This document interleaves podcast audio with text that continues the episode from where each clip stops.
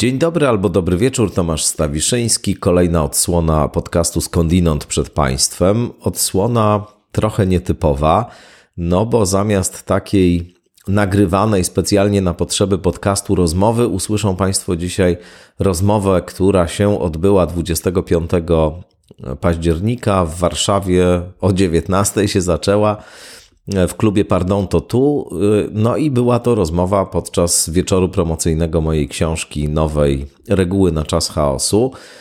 Wielką przyjemnością dla mnie i no w ogóle wielką sprawą było to, że zgodziła się ten wieczór poprowadzić znakomita filozofka, też moja wieloletnia dobra koleżanka, mm, dr Katarzyna Kasia, znana Państwu zapewne i z e, publikacji, z mediów.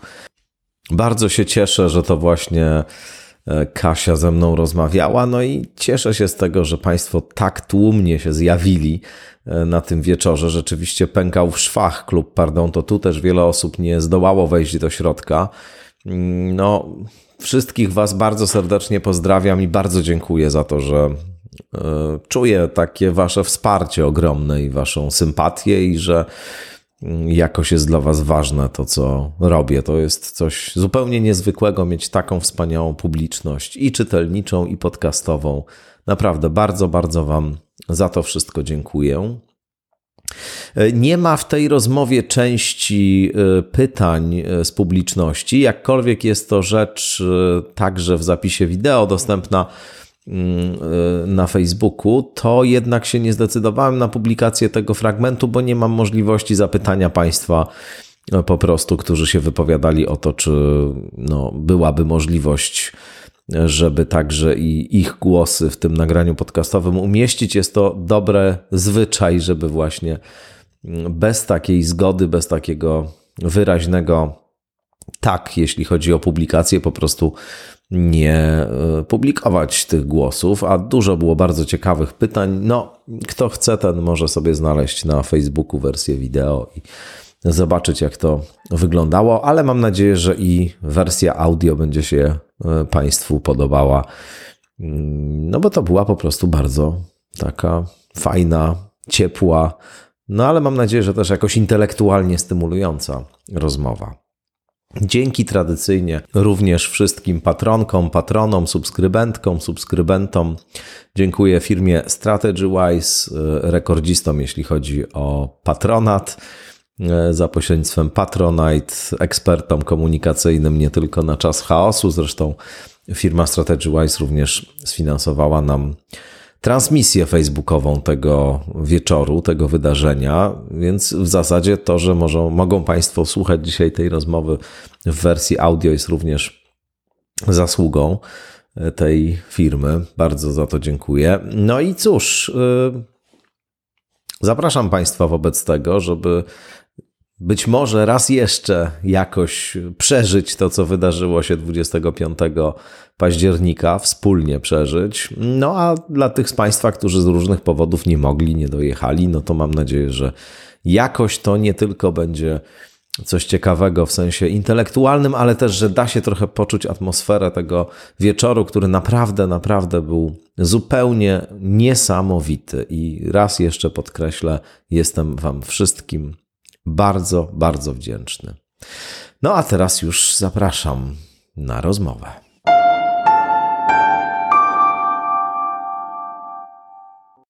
Dobry wieczór Państwu. Teraz już oficjalnie witam wszystkich zgromadzonych e, tutaj na miejscu. Witam wszystkich, którzy oglądają nas e, w internecie, e, ale przede wszystkim witam osobę, dzięki której się tutaj zgromadziliśmy, czyli Tomasza Stawiszyńskiego, filozofa, Dobry wieczór. dziennikarza. Dobry wieczór. Tomek jest autorem świetnych książek, e, a najnowsza to są Reguły na czas chaosu. To jest ta książka. A teraz oddam Tomkowi głos, bo on też ma słowa powitalne do wypowiedzenia. Tak, dobry wieczór. Przede wszystkim chciałem Państwa bardzo serdecznie przywitać i cieszę się, że się tak stawiliście tłumnie dzisiaj tutaj. Bardzo jest mi miło. E, ja chciałem jeszcze przywitać e, osoby, które są współtwórczyniami tej książki i to jest przede wszystkim e, redaktorka Dominika Kardaś. Dominika, pokaż się może, jeśli możesz. która już drugi raz pracowaliśmy z Dominiką wspólnie, bo jeszcze nad ucieczką od bezradności również i naprawdę ona wykonała fantastyczną pracę i nad jedną, i nad drugą książką i e, efekt finalny jest o wiele lepszy od efektu pierwotnego dzięki, dzięki Dominice właśnie. Jest Bogna Rosińska, która jest dyrektorką Znak Literanowa. Prosimy o... I bez której też tych książek by nie było. No i jest Zosia Kotecka oczywiście też, która się opiekuje tą książką. Znakomicie i dba o to, żeby, żeby książka sobie radziła w świecie. Nie ma z nami Magdy Kuc chyba, y, niestety, ale to chciałbym też o, poprosić Państwa o brawa dla Magdy Kuc, która jest autorką okładki I też była autorką okładki do ucieczki od bezradności, no i jest wspaniałą artystką i te okładki są niezwykłe rzeczywiście. E, okładka jest piękna, Tomku. Książkę czyta się znakomicie, ale w jej tytule zawarta jest pewna sprzeczność, bo z jednej strony mamy chaos, w którym się coraz bardziej pogłębiamy, zgodnie z Twoimi diagnozami, e, no a z drugiej strony mamy reguły. I się zastanawiałam, wiesz, na ile mm, w ogóle chaos da się jakoś okiełznać za pomocą reguł. Skąd taka w ogóle koncepcja? Czy to jest jakaś e, taka ostatnia deska ratunku, że wydaje się, że jak sobie chociaż spiszemy te reguły, to trochę nam się zrobi od tego bardziej uporządkowany ten świat? Pewnie trochę taka w tym była intencja, żeby jakiś rodzaj takiej siatki pojęciowej na ten chaos, który się już właśnie wymknął e, ze wszystkich e, modeli rozumienia, mam wrażenie, narzucić. E, rzeczywiście mam wrażenie, że żyjemy w świecie, co się zintensyfikowało w ostatnich latach, dwóch latach zwłaszcza, czyli w okresie pandemii w okresie wojny, który E, który z ram wypada, a my razem z nim wypadamy. To znaczy, mm, tracimy chyba z jednej strony orientację w tym, co się dzieje, o co nie trudno w ogóle już od dłuższego czasu, a z drugiej strony też, e, myślę, popadamy e, w coraz większe wewnętrzne zamieszanie. I w zasadzie jakby to poczucie, że że popadamy w coraz większe wewnętrzne zamieszanie, że targają nami strasznie silne emocje, że pogrążamy się w różnego rodzaju iluzjach i, i, że niektóre z tych iluzji są niezwykle uwodzicielskie i są też nam podsuwane w różnych, w różnych funkcjach, że właśnie kontakt z rzeczywistością na różne sposoby nam się demontuje E, już to z powodu architektury świata wirtualnego, w którym, w którym funkcjonujemy, który jest zbudowany tak, a nie inaczej. Już to właśnie z powodu tego, że, że faktycznie jakaś struktura e, społeczna, mm, ten świat, który znaliśmy, ulega e, degradacji, dekompozycji, i, i to jest rzeczywiście taka trochę próba wskazania takich, nie wiem, czy właściwie to słowo, to słowo reguły jest tak do końca adekwatne, raczej jakichś takich może, jak to, jak to Bogna ujęła z kolei w naszych rozmowach, jeszcze zanim ta książka powstała, punktów orientacyjnych do tego, żeby, żeby właśnie no jakoś, jakoś spróbować, y, może nie uporządkować świat, bo, bo to jest zadanie przekraczające dalece nasze możliwości, ale żeby w jakiś sposób uporządkować swoje myślenie o świecie. A do tego służy też filozofia, przecież od zawsze jest takim porządkowaniem myślenia. No właśnie, tylko że mm, ja te reguły, samo to słowo rozumiem jako mocno ironiczne w kontekście tego, o czym, o czym piszesz, bo. Mm, to nie jest książka, która jest podręcznikiem, jak żyć w żadnym razie. Ona e, rzeczywiście w bardzo dużym stopniu realizuje to, co nam obiecywano, jak zaczynaliśmy studiować filozofię, a obiecywano nam niepewność. Zresztą razem zaczynaliśmy. Dokładnie. Obiecywano nam niepewność i tą niepewność e, mieliśmy odczuwać e, na wiele rozmaitych sposobów i tą niepewnością nas karmiono przez, e, przez wiele lat. I ja mam wrażenie, że e, dzisiaj, kiedy o tym piszesz, to nagle odzyskujesz wartość wątpienia, wartość dystansu, wartość takiego, takiej umiejętności zrobienia kroku w tył. I to jest dla mnie niezwykle cenne, ale z drugiej strony, Tomek, szczerze, to się sprzeda? To się okaże. Na razie nakład się sprzedał cały pierwszy, więc chyba nie jest tak źle. E, trzeba czekać na dodruk teraz. Ale tak wiesz, mentalnie. No, słuchaj, oczywiście to, to racja. Po pierwsze, że, że y, w ogóle słowo reguły i ta, i ta struktura jest trochę grą z pewną konwencją. E, oczywiście, bo ja zresztą piszę we wstępie, że e, choć może to na pierwszy rzut oka sprawiać wrażenie czegoś w stylu poradnika, to jeśli już, to jest to raczej antyporadnik Między innymi ze względu na strukturę tych y, rekomendacji czy tych reguł, która właśnie jest apofatyczna przede wszystkim. To znaczy, tu raczej mowa jest o tym, czego nie robić, czemu się nie dawać uwodzić, w co się nie wciągać, wobec czego zachować dystans, aniżeli y, jest tu zachęta do tego, żeby coś konkretnego konkretnego robić, poza czytaniem książek oczywiście, życiem w niezgodzie ze sobą na przykład, albo ograniczeniem korzystania z mediów społecznościowych, ale i przynajmniej te dwa ostatnie punkty mają pewien wymiar negatywny. Natomiast co do, co do tutaj bardzo trafnie jakoś rozpoznałaś chyba moje głębokie, głębokie poczucie, że rzeczywiście co do pewnego przesłania, takiego, takiego głębokiego przesłania dotyczącego wyjścia z takich kolejn, w które wpadamy i, i w sporach politycznych, i w wojnach, konwencjonalnych i innych typach wojen i, i, i w różnych właśnie takich e, opowieściach, które bezkrytycznie często przejmujemy, bo, bo nam dają jakąś gratyfikację błyskawiczną, szybką, prostą, emocjonalną, to ja rzeczywiście mam wrażenie, że to już bardzo, bardzo daleko wszystko zaszło. E, nie do końca wyobrażam sobie możliwość e, wyjścia z tego stanu. To znaczy, tu chyba jednak tak na skalę większą musi nastąpić coś w stylu przesilenia, mam wrażenie, które oczywiście ma to do siebie, że, że nie, niekoniecznie musi się nam podobać, że jego przebieg bywa drastyczny. No właśnie, bo jak mówisz o przesileniu, to mi się robi zimny dreszcz na plecach, e, bo ja zawsze również. po tych naszych studiach marzyłam tylko o jednym, że jakbym chciała żyć na pustej karcie historii. To było mi takie, takie w ogóle jakbym się modliła kiedyś, to, to o to to nam się nie udało. No właśnie, co się stało? Dwa lata temu ja mam wrażenie, że ktoś te kartki, wiesz, no one już zaczyna, zaczęły się przewracać wcześniej, ale teraz jesteśmy na tym etapie, kiedy nagle one są zapełnione z przypisami, z bibliografią, z odniesieniami i znaleźliśmy się w czymś, do czego no może filozofia może nas jakoś przygotować, bo ja wierzę bardzo, wbrew temu mojemu wygłupowi wcześniejszemu, że to jest bardzo praktyczna książka. Naprawdę praktyczna i potrzebna. Intencja też y, moja taka była.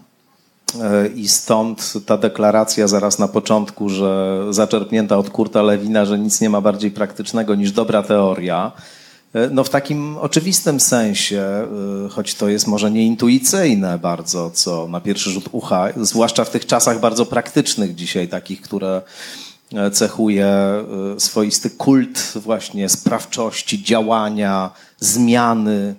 E, to jest w ogóle osobliwe, że ten kult sprawczości, działania i zmiany łączy się z powszechnym poczuciem braku sprawczości, niemożności działania itd., tak itd., tak mm, pewnej palącej potrzeby zmiany, ale zarazem braku jakiejś wizji, jakiegoś pomysłu na to, jakby ona miała przebiegać.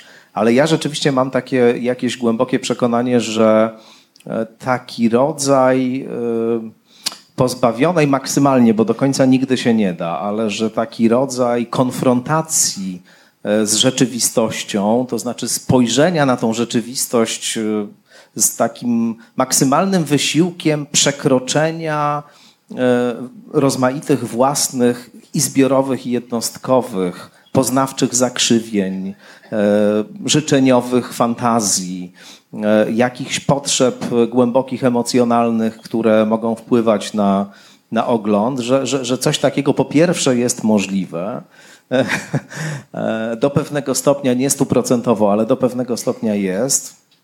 Że to jest warunek sine qua non realnej zmiany, że, że bez tego ta zmiana nie nastąpi, bo, bo się właśnie często wtedy zaczyna oscylować w jakimś takim porządku, fantazji, rozczarowań, jakiegoś takiego zaangażowania emocjonalnego, a później depresji. Myślę, że to jest bardzo charakterystyczne też dla, dla tej dzisiejszej epoki, taki stan jakby maniakalno-depresyjny. Ta dynamika świata, w którym żyjemy, jest, jest taka. No więc mam wrażenie, że taki rodzaj E, rodzaj takiego, takiego właśnie spojrzenia na to trochę z boku i też e, właśnie życia w niezgodzie ze sobą, jak mówi jedna z reguł, a, a która jest też trawestacją skądinąd, co, co akurat się nie pojawiło e, w tekście, takiego, takiej innej reguły sformułowanej kiedyś przez Ciorana, który który zaleca, zalecał myślenie przeciwko sobie. No i tak w ogóle filozofię rozumiał jako, jako myślenie przeciwko sobie. No więc mam wrażenie, że to jest rzeczywiście taki rodzaj e, instrumentu, który mógłby pomóc, gdyby, gdyby spróbować go rzeczywiście jakoś na poważnie użyć. Tylko właśnie z jednej strony te rozwiązania, które proponujesz, są bardzo klasyczne, bo e, taka zasada pomyśl zanim zrobisz, właściwie jest super. E, I e, ja się zastanawiałam, czytając, w jakim myśmy się znaleźli momencie naszej historii, naszych dziejów, że musimy to sobie tak wyraźnie przypomnieć, że e, działanie zastąpiło myślenie, wyparło myślenie i to tutaj e, pokazujesz, kiedy piszesz o zmianie, która nagle sama w sobie staje się wartością. To jest trochę tak, jak Bauman pisał o nowoczesności, czyli czasach, w których nowość jest sama w sobie wartością. A jak się tak nad tym zastanowić, to ani zmiana sama w sobie nie jest wartością, bo są tacy filozofowie jak na przykład Platon, którzy uważali, że zmiana zawsze jest na gorsze, nie ma czegoś takiego jak dobra zmiana. Im dłużej żyję, tym bliżej mi do tego platońskiego przekonania, nawiasem mówiąc. No taki widzisz, konserwatysta.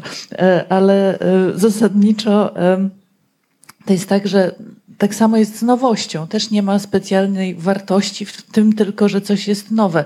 I mam wrażenie, że przywracasz, aplikując do dzisiejszych okoliczności, takie bardzo klasyczne zasady myślenia, tylko jakoś tak się stało w tym wszystkim, że myśmy je stracili. One nam znikły z horyzontu. No więc ja mówiąc szczerze, dokładnie tak samo o tym myślałem, że, że to jest w istocie zestaw dość oczywistych reguł, które oczywiście są sformułowane w taki sposób, żeby momentami, żeby momentami trochę prowokowały, że odnoszą się też do takich zagadnień, które dziś są bardzo żywo dyskutowane i żywo przeżywane. No bo chodziło mi o to, żeby to była książka aktualna zdecydowanie, żeby ona po prostu dotyczyła tego świata, w którym tu e, teraz żyjemy i, i, i żeby no, też e, powiedziałbym jeszcze e, na, na, na moment dygresyjnie, że tym elementem takim ściśle już praktycznym w tej książce są rekomendacje, które są na końcu każdego rozdziału, różnych książek, tekstów, z podcastów czasem, które moim zdaniem warto y, albo przeczytać, albo posłuchać, żeby sobie jakoś y, rozbudować tę perspektywę, która jest w danym rozdziale e, opisana, ale rzeczywiście mam poczucie, że to są rzeczy bardzo, e, bardzo z porządku takich klasycznych prawd, e, że, że w gruncie rzeczy ja się tutaj odwołuję do takiego dziedzictwa i filozoficznego, i, i, częściowo także z tej tradycji psychoanalitycznej wypływającego przy, przy całym jakby krytycznym moim też stosunku do tej tradycji, to tam znajduję jednak bardzo wiele takich bardzo głębokich rozpoznań i kategorii, którymi e, funkcjonowanie ludzkich umysłów i świata da się, da się opisywać, że to jest zestaw takich właśnie bardzo, bardzo bazowych, prostych prawd, które jakoś zostały zupełnie zapomniane dzisiaj i my się zachowujemy tak często, jakby właśnie te e, zasady czy te reguły nie były znane, jakbyśmy zupełnie nie mieli o nich pojęcia, mimo że doskonale przecież wiemy, że one, że one obowiązują, a co więcej często jest tak, że prawa ręka potrafi właśnie je, że tak powiem, wskazywać i eksponować, gdy tymczasem lewa, e, lewa robi coś dokładnie, dokładnie odwrotnego.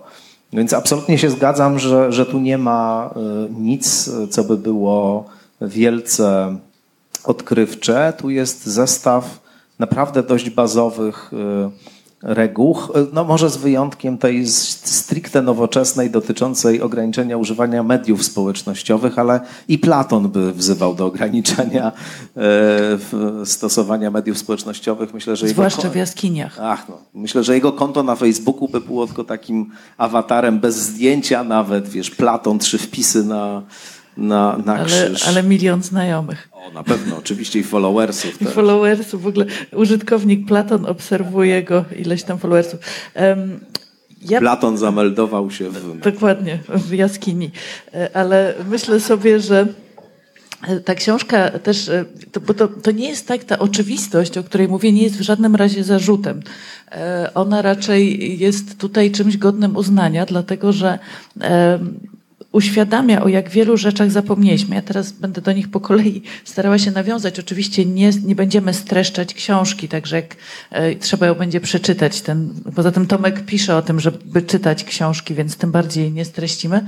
Ale e, ona, struktura książki jest taka, że zaczyna się od apokalipsy, a potem napięcie rośnie.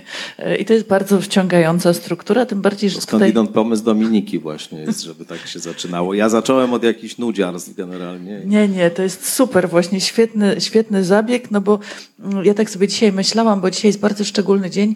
25 października e, obchodziłaby właśnie 103 urodziny dzisiaj profesor Barbara Skarga, e, autorka esej o tym, że innego końca świata nie będzie.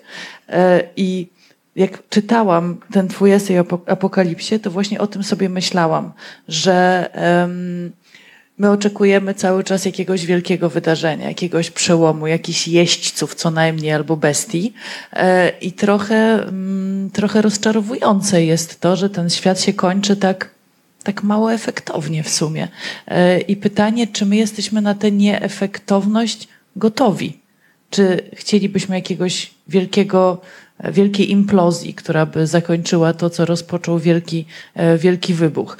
E, I to, że ty mówisz tutaj, że powinniśmy no jednak przyzwyczaić się do tej myśli o końcu i o tym, że on będzie zupełnie czymś innym niż nam się wydawało, dla mnie było niezwykle istotne. Tym bardziej, że zaczynamy od apokalipsy, a kończymy na śmierci. I ta książka jest tak rozciągnięta między tymi, um, tymi dwoma wielkimi faktami, może tak.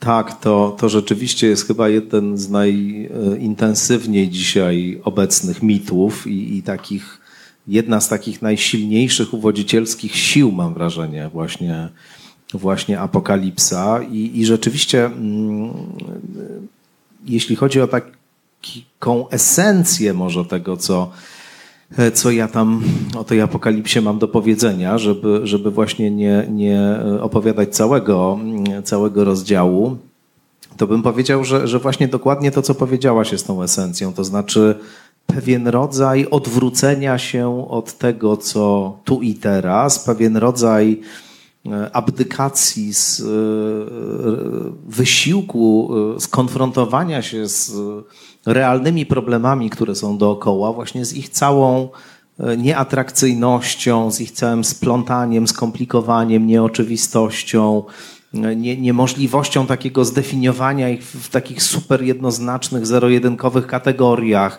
wokół których można się natychmiast moralnie oburzyć, można się wzmożyć, można się właśnie zapisać do tego jedynego słusznego stronnictwa. No, to rzeczywiście y, apokalipsa daje na poziomie takiej gratyfikacji emocjonalnej, ale też właśnie zabiera, wydaje mi się, możliwość takiego jakiegoś skonfrontowania się bardzo bazowego czy, czy elementarnego z tym, z tym, co dookoła. I, I, to jest jakby jedna taka nie, niepokojąca cecha e, mitu apokaliptycznego, ale inna, może nawet bardziej niepokojąca, stąd to zawołanie, żeby nie dać się uwieść e, apokalipsie, wiąże się z tym, że mm, myślenie apokaliptyczne, czy właściwie ten archetyp apokalipsy, bym powiedział nawet, bo to pojęcie archetypu implikuje jakąś e, e, taki rodzaj fantazji, która gdzieś bardzo głębokie struny w nas porusza, takie, takie absolutnie pierwotne, które dotykają naszych najgłębszych lęków, naszych najgłębszych pragnień, fantazji i tak dalej. No więc ten archetyp ma też to do siebie, że kiedy człowieka pochłonie, kiedy go ogarnie, to, to może zadziałać na zasadzie samospełniającej się przepowiedni. E, mówię to oczywiście także w kontekście tego, co dzieje się, dzieje się w Ukrainie. Mm, przypominam sobie takie teksty dotyczące tego, co działo się w bliskim kręgu administracji Johna, George'a W. Busha w okresie ataków na World Trade Center, które jednak jakoś rozpoczynają naszą epokę, mam wrażenie. To znaczy to, co się teraz dzieje, e, to są jakieś kolejne akordy tego, co zaczęło się właśnie w tamtym czasie i tam rzeczywiście bliski krąg jego współpracowników, taka rada, która tam przy nim funkcjonowała, złożona w zasadzie jakby w 99% z takich neokonów e, twardych, z, mm, z bardzo takich religijnych właśnie w, w denominacjach protestanckich. No więc oni tam rzeczywiście podobno byli przekonani, że nadchodzi to ostateczne starcie, to znaczy, że, że ataki na World Trade Center rozpoczynają ten proces apokaliptyczny opisany w Apokalipsie świętego Jana i w związku z czym cała architektura wojny z terroryzmem była opracowana w tym poczuciu, że oto musimy ekspandować, no bo idziemy do tego starcia i my jesteśmy rzecz jasna po stronie, po stronie dobra. I, I to jest przykład tego, jak takie głębokie fantazje czy głębokie przekonania potrafią sterować zachowaniem. No i tego bym się właśnie, e, szczerze mówiąc, obawiał. E, I stąd, e, i stąd również to zawołanie, żeby się apokalipsie nie dać uwodzić. No bo jest w tym tekście, do którego sięgnąłem, pisząc ten rozdział ponownie, niezwykły ładunek y, takiej fascynującej, atrakcyjnej obietnicy. Y, I w ogóle w końcu świata jest coś takiego bardzo atrakcyjnego. Tam, tam rzeczywiście ewangelista, jeśli to był ewangelista, opowiada o, y, o no, takim wyrównaniu rachunków ostatecznym. To jest właśnie taki moment, w którym wszystkie niesprawiedliwości zostają zniesione. Ta cała struktura świata zachwiana od początku, ta, w której sprawiedliwi e, cierpią nieustannie, a, a niesprawiedliwi mają się świetnie. Myślę, że, że wielu z nas w ten sposób widzi dzisiaj rzeczywistość, a, a zwłaszcza ci, którzy funkcjonują w miejscach, które, które, które są e, no, które urągają jakby warunkom, w jakich ludzie powinni funkcjonować.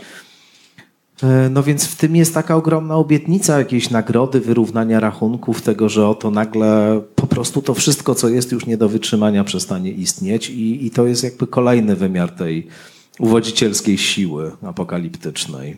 Poza tym jest chyba też tak, że w świecie spektaklu apokalipsa już dawno została zmonetyzowana.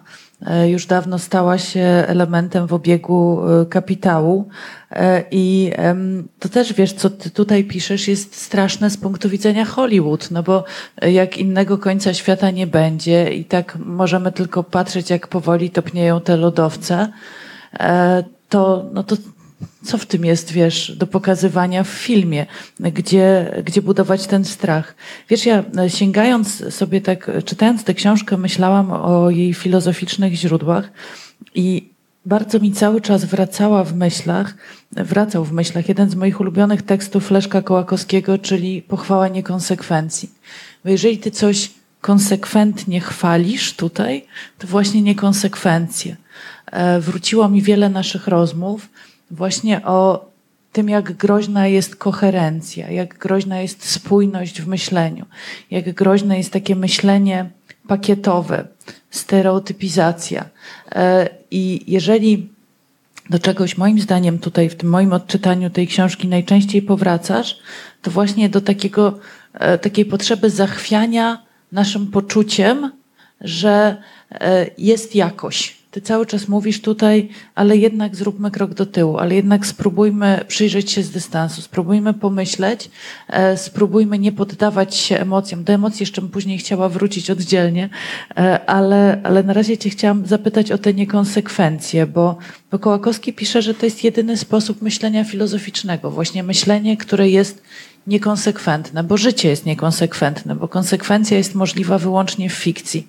E, to Arystoteles pisał, że jak wymyślamy fabułę tragedii, to ona musi być konsekwentna i dlatego nie możemy jej zaczerpnąć z życia, bo życie ma to do siebie, że po prostu konsekwentne nie jest. I tak samo e, ty tutaj mówisz, myślenie może być konsekwentne, ale musi dopuszczać to, co się dzieje dookoła.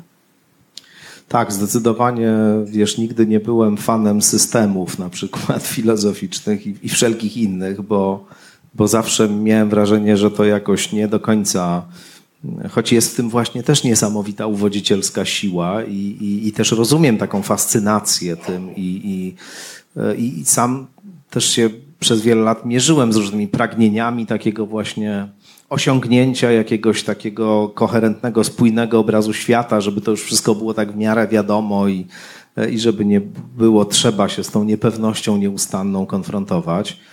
Ale jakoś za każdym razem właśnie miałem poczucie, że następuje inwazja rzeczywistości w momencie, kiedy próbuję sobie tak to wszystko poukładać i, i po, po, podefiniować. I że jednak e, no, nieustannie spotykam się z jakimiś wyzwaniami, które stawiają pod znakiem zapytania te oczywistości. Ja, ja zresztą e, jestem w ogóle rozpięty i też w pisaniu pomiędzy bardzo różnymi sposobami myślenia, i, i to jest na przykład coś, co często bardzo dziwiło e, czytelniczki, czytelników niektórych, ale nie, nie, nie, nie wszystkich, ale niektórych w ucieczce od bezradności, gdzie jest duży taki rozdział astrologii E, i, e, i astrologia jest tam potraktowana bardzo poważnie, e, a ponieważ z racji tego, że że ja na przykład w swoich audycjach też często rozmawiam z Pawłem Boguszewskim czy z Jankiem Chwedeńczukiem i, i zdecydowanie także zajmuję się propagowaniem osiągnięć nauki i jestem przywiązany w ogóle do, do racjonalności. Tutaj też zalecam, żeby racjonalnością się kierować no to się wydawało, że to są jakieś takie zupełnie niemożliwe do pogodzenia ze sobą e, sprawy i nawet kilka takich dyskusji odbyłem, w których się musiałem z tego tłumaczyć, co właściwie mam na myśli, pisząc o wartości astrologii, bo przecież to są jakieś bzdury.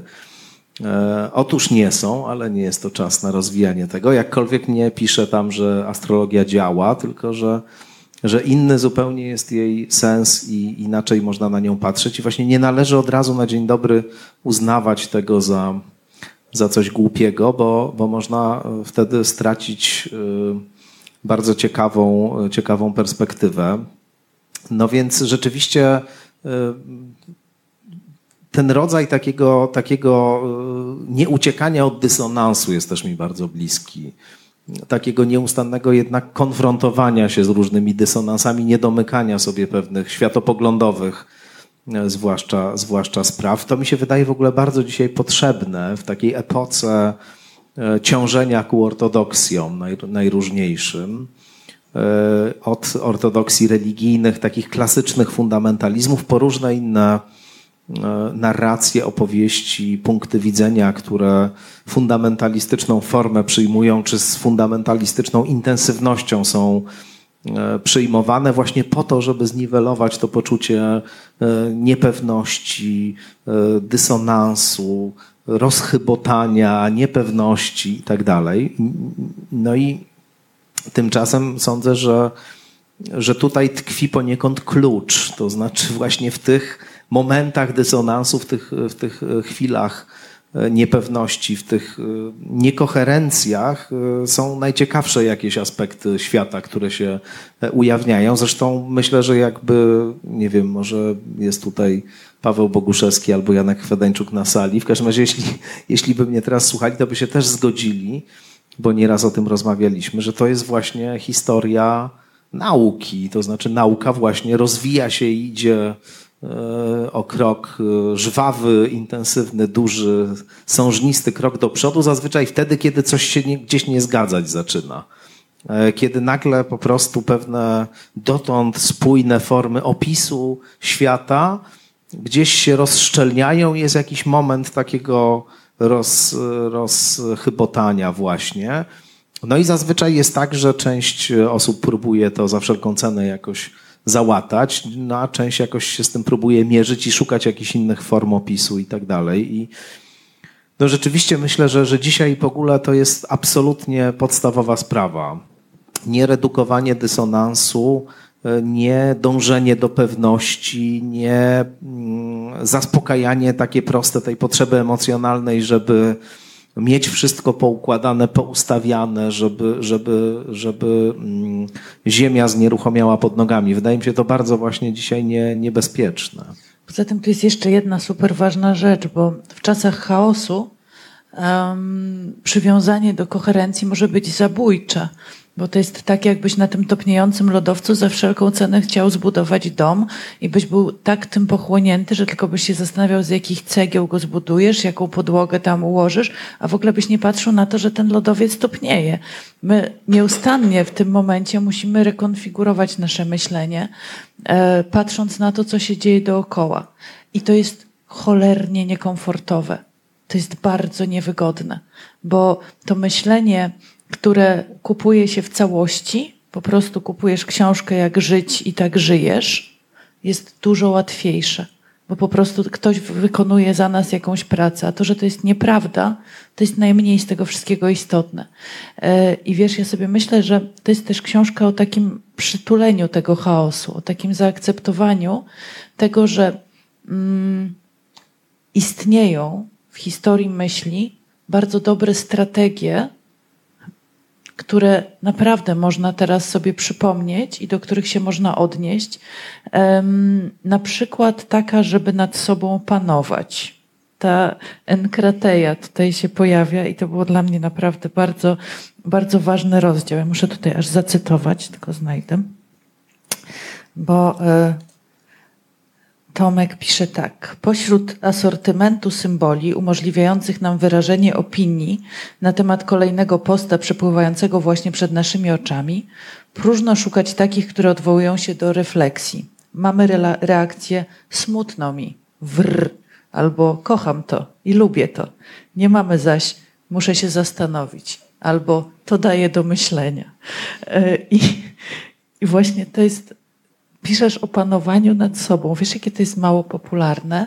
Wiem, wiem, oczywiście. Emocje są przecież super. Ja w ogóle chciałam zacząć tę rozmowę od tego, że czuję się świetnie, że jest mi bardzo miło, że odczuwam wielką radość, że tu razem możemy e, zasiąść i, i rozmawiać, ale, ale jednak nie zaczęłam, bo postanowiłam nad sobą zapanować. Jak to jest, powiedz mi, y, czy, czy myślisz, że, że w ogóle jest szansa na taki praktyczny program, żebyśmy wrócili do, do panowania nad sobą? No, mówiąc szczerze, wydaje mi się to chyba jednym z najmniej prawdopodobnych właśnie postulatów, znaczy prawdopodobnych do, do spełnienia, bo z różnych powodów. Y, po pierwsze, rzeczywiście dlatego, o czym pisze, trochę rekonstruując tak w bardzo dużym skrócie i dużej kondensacji historię supremacji emocji w ostatnich dekadach. E, dlatego po pierwsze, że, że rzeczywiście emocje się trochę stały taką, e, taką e, takim obiektem kultu i, i towarzyszy temu jakiś rodzaj przekonania, że jest w emocjach jakiś wyższy rodzaj prawdy, to znaczy, że one przynoszą jakiś rodzaj głębszej, bardziej autentycznej, prawdziwszej wiedzy o świecie, aniżeli te inne rodzaje wiedzy, które wiążą się na przykład z refleksją czy, czy z, z racjonalnością. I w tym oczywiście jest pewne ziarno prawdy czasami. To znaczy, że emocje są jakąś funkcją poznawczą, to wiemy i z psychologii, i z, z filozofii, która przecież emocje też odkrywała. Jest książka Karoliny Wigury, naszej koleżanki dobrej przecież o emocjach filozofii także. Ale e, no, e, są funkcją poznawczą, która daje nam jakiś rodzaj komunikatu o tym, e, co się z nami dzieje, w jakim jesteśmy położeniu, etc.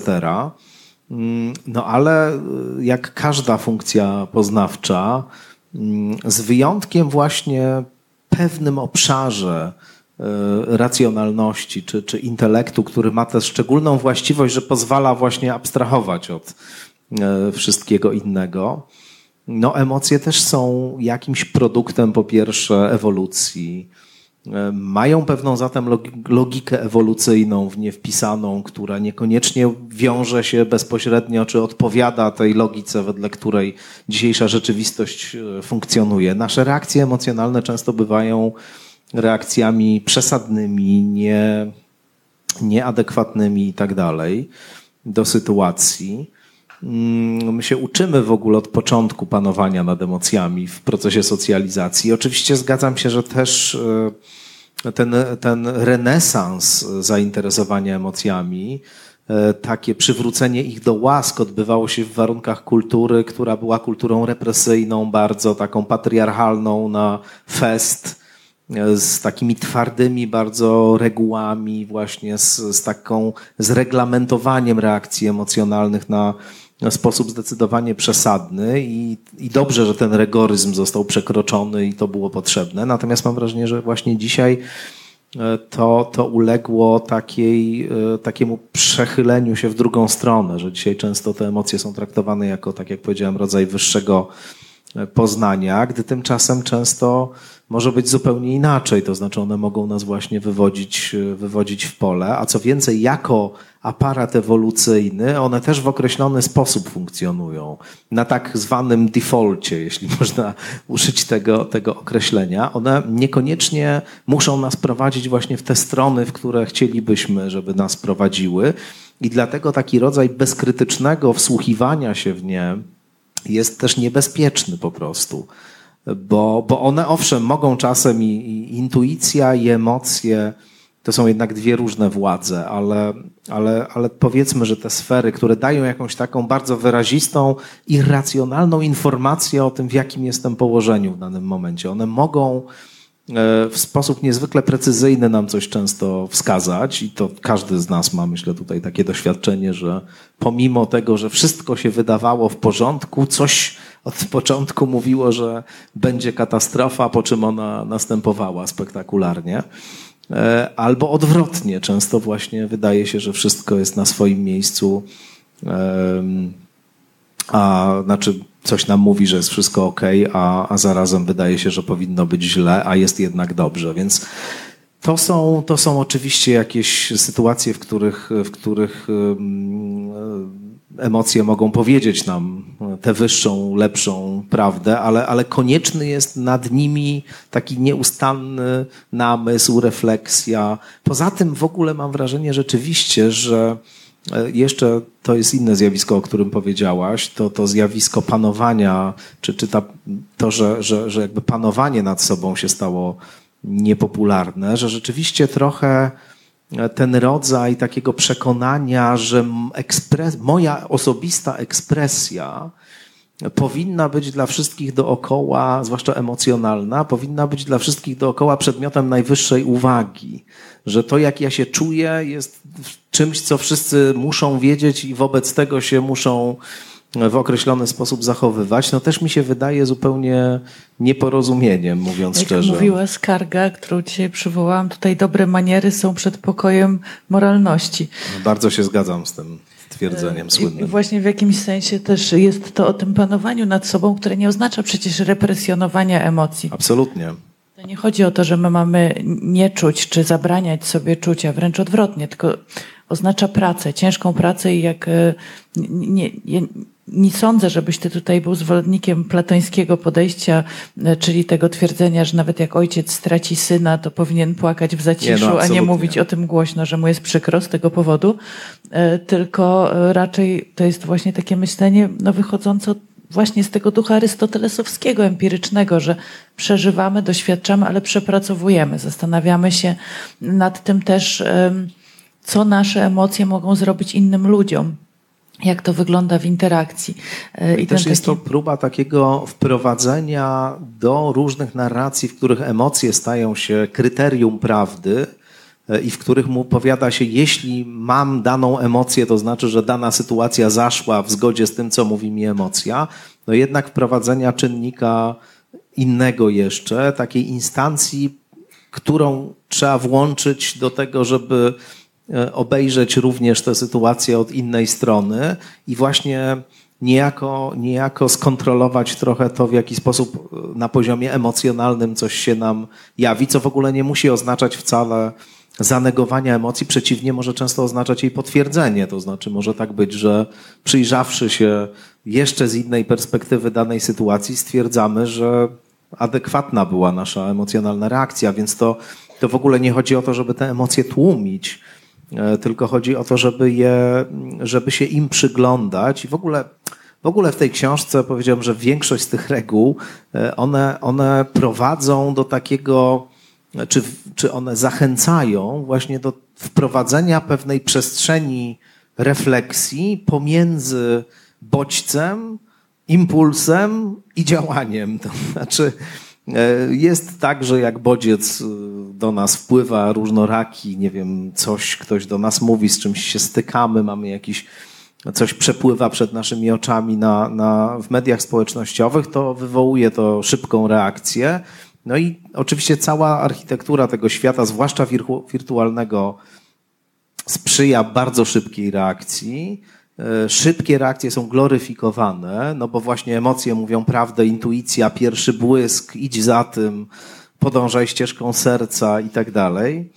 E, no więc ja właśnie zachęcam do tego, żeby nie podążać, tylko żeby pomiędzy tym odczuciem przemożnej, pomiędzy tą przemożną potrzebą, żeby coś zrobić, nie wiem, wyrazić jakąś emocję albo coś, no tu można sobie podstawić różne, tak? właśnie mieć ten moment e, jakiegoś krytycznego nad tym namysłu e, z paroma takimi parametrami, które temu towarzyszą, że no, że właśnie nie zawsze emocje mówią prawdę, nie zawsze odruchy są prowadzą nas w dobrą stronę i tak dalej, i tak dalej. No tak, i e, tutaj e, to się wspomniałeś kategorię bardzo ważną w tej książce, czyli kategorię prawdy, e, przefiltrowanej właśnie przez emocje. Zaczynasz rozdział o prawdzie od tego, że osoba nadawcy nie wpływa na wartość komunikatu, na prawdziwość komunikatu i tworzysz wspaniałą, moim zdaniem, koncepcję tożsamościowej definicji prawdy, czyli E, prawdą jest coś, bo ktoś to mówi. Czyli jak Stawiszyński mi coś powie, to musi być prawda. Nie dlatego, że to jest prawda, tylko dlatego, że Stawiszyński to powiedział. E, bardzo uważam, że to jest e, niestety rozpowszechniony sposób myślenia. On się też wiąże z tym naszym emocjonalnym podejściem. Kogoś lubimy, ktoś coś powiedział, więc z automatu uważamy, że to jest prawda. Zobacz, że w ogóle zanika w tym wszystkim cała ta ciężka praca polegająca na weryfikowaniu. I pytanie, jak my możemy do tego wrócić? Bo mówisz, że między emocjami a czynami powinna stanąć jakaś refleksja. Dobra, ale praktycznie. Problem chyba polega w dużym stopniu też i na tym, że, że to specjalnie już nikogo nie obchodzi, bo na niewiele się przydaje generalnie. To znaczy, można osiągać e, rozmaite cele, które zawsze były celami gry społecznej, ale dzisiaj one często stanowią e, wartość samą w sobie, jakby takie coś, co nie wydarza się przy okazji na przykład długiego procesu nabywania jakichś kompetencji, czyli nie wiem, miejsce w hierarchii społecznej, wiesz, stabilność, e, dochody dobre i tak dalej, ponieważ świat, w którym tego typu ścieżki awansu funkcjonowały, kompletnie się, nawet nie tyle on się rozpadł, co się okazało, że on nie był prawdziwy do końca. To znaczy, że to wszystko było trochę taką konstrukcją, e, która, która, w którą kazano nam wierzyć, a która wcale tak nie wygląda do końca. E, to wcale nie jest prawda, że, że, jak, że jak będziemy bardzo mocno wierzyć w swoje marzenia, to, e, to, to wszystko będzie dobrze i je zrealizujemy za moment. Ja zawsze myślałam, że tak jest. Ja też tak myślałem. Kurczę. Ja też tak myślałem. No. Um.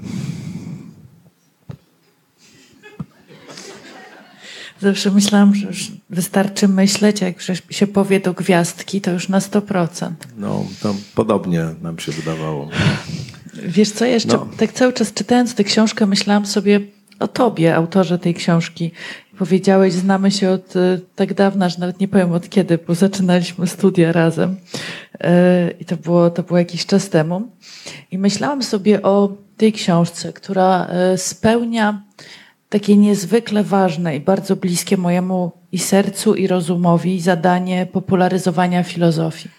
Myślałam sobie o tym, jak ogromny wysiłek wkładasz w całej swojej pracy w to, żeby ta nasza dyscyplina, bo e, ja mam bardzo głębokie przekonanie, że my akurat jesteśmy w tej szczęśliwej grupie ludzi, którzy pracują w zawodzie e, po skończeniu studiów filozoficznych, żeby ta nasza filozofia naprawdę e, trafiała tam, gdzie jest potrzebna. Jest potrzebna w bardzo wielu przestrzeniach, tylko bardzo często jest wypierana, zapominana, no bo jest niewygodna, bo wymaga jakiegoś, jest czymś, co uwiera, jest trochę jak kamień w bucie.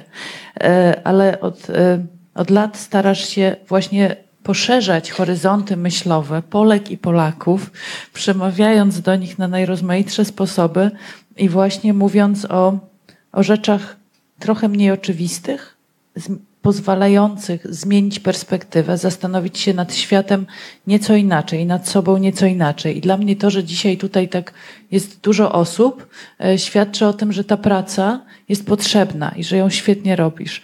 I zastanawiając się nad tym, myślałam sobie też o Kołakowskim i o tych jego dwóch figurach opozycyjnych, kapłana i błazna. E, czy której z tych postaci się odnajdujesz, czy też może stworzyłeś jakąś trzecią? Przede wszystkim bardzo Ci dziękuję za te słowa. No jest mi niesamowicie miło i wszystkie dobre myśli odwzajemniam i, i wiesz dobrze, że ja o Tobie też myślę w samych superlatywach od, od dawna. I no, bardzo mi miło, naprawdę też, że Państwo tak przeszli tłumnie, raz jeszcze to to powiem. Mi się zawsze w ogóle wydawało, wiesz, ja trochę rzeczywiście czasu spędziłem tułając się po różnych mediach polskich i e, słysząc nieustannie, że właśnie takie rzeczy nikogo nie interesują i że, i że w ogóle nie ma sensu z tymi tematami występować, ponieważ na pewno nikt nie będzie chciał o tym słuchać, czytać i tak dalej. I zawsze mi się to wydawało zupełnie nieprawdziwe. E, I miałem jakąś taką, e, chyba dosyć wcześnie, zaszczepioną mi myśl czy, czy ideę e, przez Bogdana Chwedeńczuka, e, naszego wspólnego nauczyciela, z którym też przez lata już się znamy i przyjaźnimy. E, no, że, że właśnie filozofia jest takim aktywnym stosowaniem tych instrumentów, których tutaj jest jakaś garstka, ale one są dosyć dziarskie wciąż. Znaczy, może już jak się bierze te tomiska wielkie, czyta się te różne, mm, te różne niesamowite e, koncepcje dotyczące tego, jak świat funkcjonuje, jak rzeczywistość wygląda w swoich najgłębszych rejestrach, nie są e, dla kogoś, kto powiedzmy chciałby ten świat dzisiaj naprawdę poznać, jakoś super atrakcyjne, no chyba, że będzie badał właśnie różne formy tego, jak e, kształtowały się pojęcia, którymi dziś mówimy, no to wtedy taka lektura historyczna jest konieczna ale, ale y, myślałem o tym, że, że rzeczywiście y, jest przestrzeń na to wciąż, żeby, żeby się jednak mierzyć z tym wszystkim, co dookoła się dzieje, używając tego jako takiego narzędzia do właśnie pewnego porządkowania, do rozpoznawania jakichś głębszych sensów, struktur, może właśnie do tego, żeby żeby szukać jakiejś genealogii głębszej czegoś, co wydaje się być jakąś niezwykle nowatorską ideą, a w gruncie rzeczy już dawno temu została na wszystkie możliwe sposoby e, opracowana. Przypomniał mi się kiedyś e, człowiek, no, lubię do niego nawiązywać, bo to figura niezwykle barwna, w ostatnich latach swojego życia bardzo też kontrowersyjna, mówiąca rzeczy przerażające, ale też będąca E, znamienitą postacią polskiej logiki i filozofii, czyli profesor Bogusław Wolniewicz, e, który, którego kiedyś słuchałem na jednym z seminariów, jak, jak to e, pewien student, to już było kiedy Wolniewicz był na emeryturze, przed jakimś wykładem, pewien student, nie zdając sobie chyba do końca sprawy, z kim ma tutaj do czynienia, coś zaczął Wolniewiczowi tam klarować na, na jakiś temat i przekonywać go, że jest zupełnie inaczej niż E, niż to Wolniewicz powiedział, więc on patrzył na niego swoim takim wzrokiem świerszcza. Taki bardzo przypominał takiego zatroskanego świerszcza groźnego, trochę zezłoszczonego. E, I tak słuchał go, słuchał, słuchał i potem powiedział mu, e, mówi pan z ogromną pewnością siebie o sprawach rozstrzygniętych już dawno temu. No więc bardzo, bardzo zacna riposta zresztą mam wrażenie. No więc rzeczywiście ten rodzaj takiego tej kompetencji filozoficznej on pozwala często zobaczyć, że te sprawy, o których dziś się często mówi z niezwykłą pewnością siebie, dawno temu już zostały rozdyskutowane, rozstrzygnięte i tak dalej.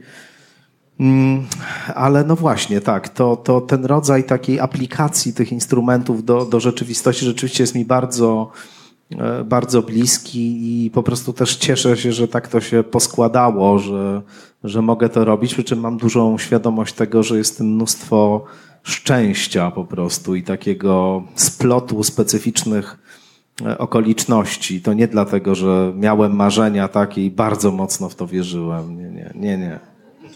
Ale kapłan czy błazen?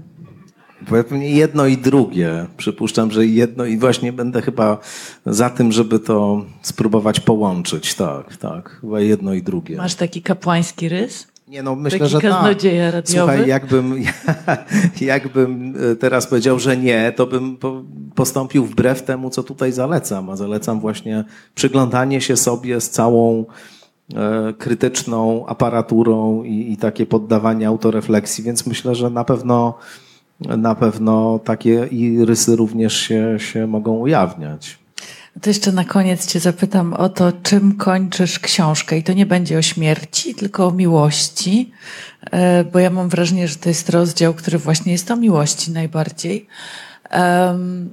I o to Cię chciałam zapytać, na ile te narzędzia filozoficzne, ten brak koherencji, to zwątpienie, ta świadomość, że właściwie wszystko powiedzieli już starożytni Grecy, a potem to były tylko jakieś nędzne przypisy, na ile to wpływa na naszą umiejętność bycia z innymi ludźmi, na współbycie, na takie uwrażliwienie się też na innego, bo wiesz, to może być tak i to jest ta figura patriarchalnego mędrca, którą jak sobie uświadomię, to myślę, że to jednak stare dziady, wszystko straszne, e, takiego, który się zamyka w tym swoim, wiesz, nie, nic nie wiem, wszystko może być tak albo tak, pani to nie ma pojęcia, pani na świecie nie było, jak ja już to wszystko miałem przedyskutowane. Więc jak można nie zrobić z tego właśnie patriarchalnego mędrca, tylko wyjść z miłością? No myślę, że wiesz, y, rzeczywiście ze wszystkiego można zrobić patriarchalnego mędrca, mam wrażenie. To znaczy nie ma takiej doktryny i nie ma takiej, i nie ma takiej narracji, która by się na to nie mogła przerobić. Mm, I, I, to jest właśnie cały też e, paradoks i cała trudność, e, która, która wiąże się z tym, e, o czym tak uwodzicielsko również pisał pewien stary mędrzec Pierre Adot w swojej książce o filozofii jako ćwiczeniu duchowym, co kiedyś na mnie w ogóle jakieś niebywałe wrażenie zrobiło, że to jednak jest praca która ma służyć wewnętrznej przemianie, a nie tam, że mamy sobie tutaj właśnie siedzieć, dywagować i pouczać innych na dodatek w tej formule, o której mówisz. No więc, więc myślę, że rzeczywiście takie niebezpieczeństwo jest. Ono dzisiaj też jest bardzo e, wydatne, mam wrażenie. I, i, i jak pokazuje historia, właściwie każdą doktrynę się daje w ten sposób przerobić. Znaczy nie ma chyba właściwie takiej, której by się nie dało. I no moją receptą w cudzysłowie, czy jakąś, jak, jakąś próbą mm, wskazania takiego kierunku, e, to jest właśnie takie bezpośrednie jednak konfrontowanie się z ograniczeniem, bezradnością. Tu się muszę do poprzedniej książki odwołać, bo, bo to właściwie jest pytanie o tę poprzednią książkę też jakby taki rodzaj, taki rodzaj e, przyjęcia własnej bezradności wydaje mi się w ogóle fundamentalny. Tylko takiego naprawdę przyjęcia, nie, nie właśnie zrobienia z bezradności jeszcze jednej supermocy. Że zaraz tutaj rozpoznam swoją bezradność i po prostu stanę się jeszcze bardziej skuteczny dzięki temu, bo właśnie rozpoznałem swoją bezradność, teraz już mogę jej używać. To jest absurdalne oczywiście, ale, ale tak się właśnie dzieje w ucieczce od bezradności pisałem o tych różnych formach e, przetwarzania śmierci na nową supermoc, że jesteśmy tacy krusi, jesteśmy, umrzemy i właśnie to nam daje rodzaj takiej ekscytacji. Każda chwila jest po prostu czymś niesamowitym dzięki temu. Mm, no, no więc wiesz, znowu chyba via negativa jest tylko możliwą odpowiedzią dla mnie osobiście, no, że, że, że jakiś rodzaj takiego, takiego yy, yy, nie chcę powiedzieć, że właśnie ciągłego negowania, bo to nie o to chodzi, ale też takiego raczej no tak, taki, takiego otworzenia się właśnie na to, co, co przemijające, kruche, śmiertelne, to, to mi się wydaje podstawa. Ja tu jeszcze widzę mm, taki rodzaj współbycia, który polega na uznawaniu nawzajem swoich wątpliwości. Ach, oczywiście. Czyli e, taką sytuację, w której no właśnie dopuszczamy sytuację, że nikt nie ma racji.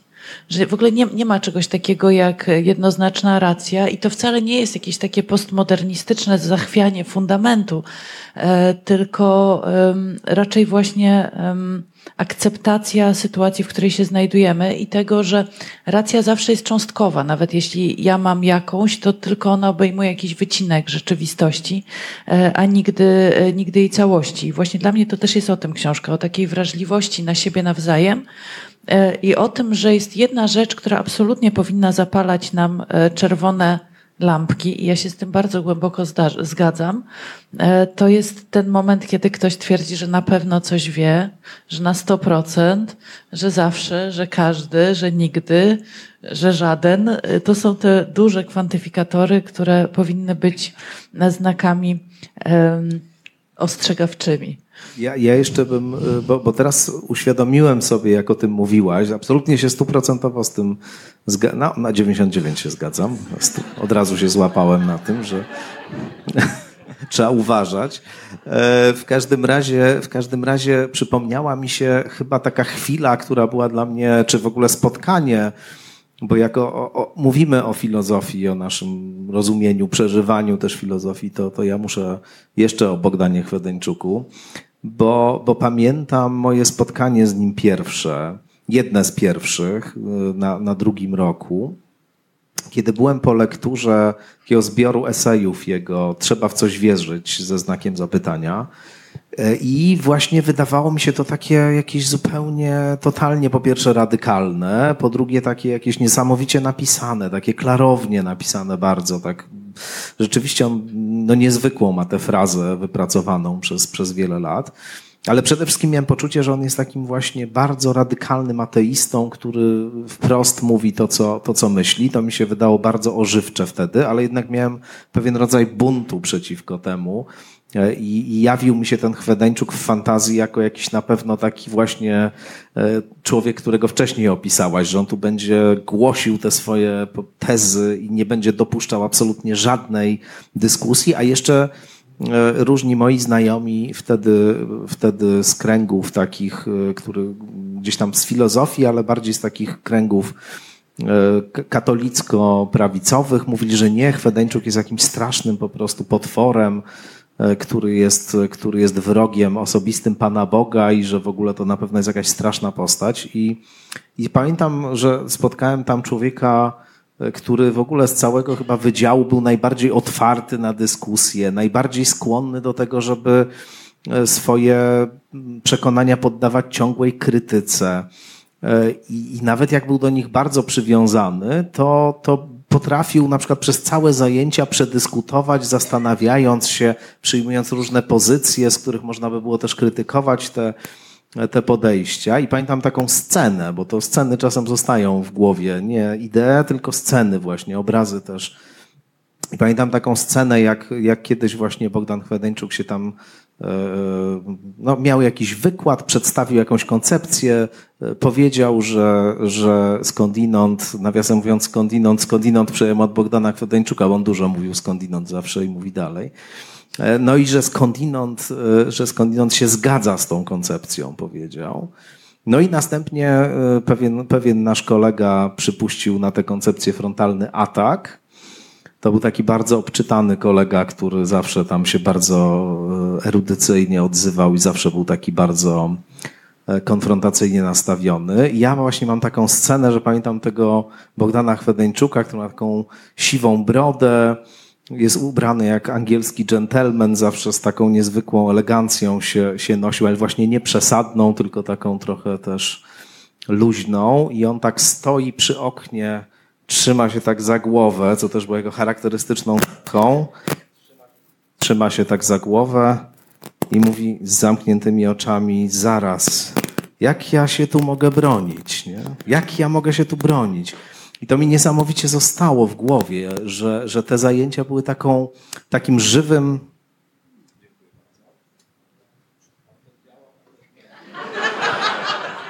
Czy, czy to jest jakiś rodzaj sugestii? Czy...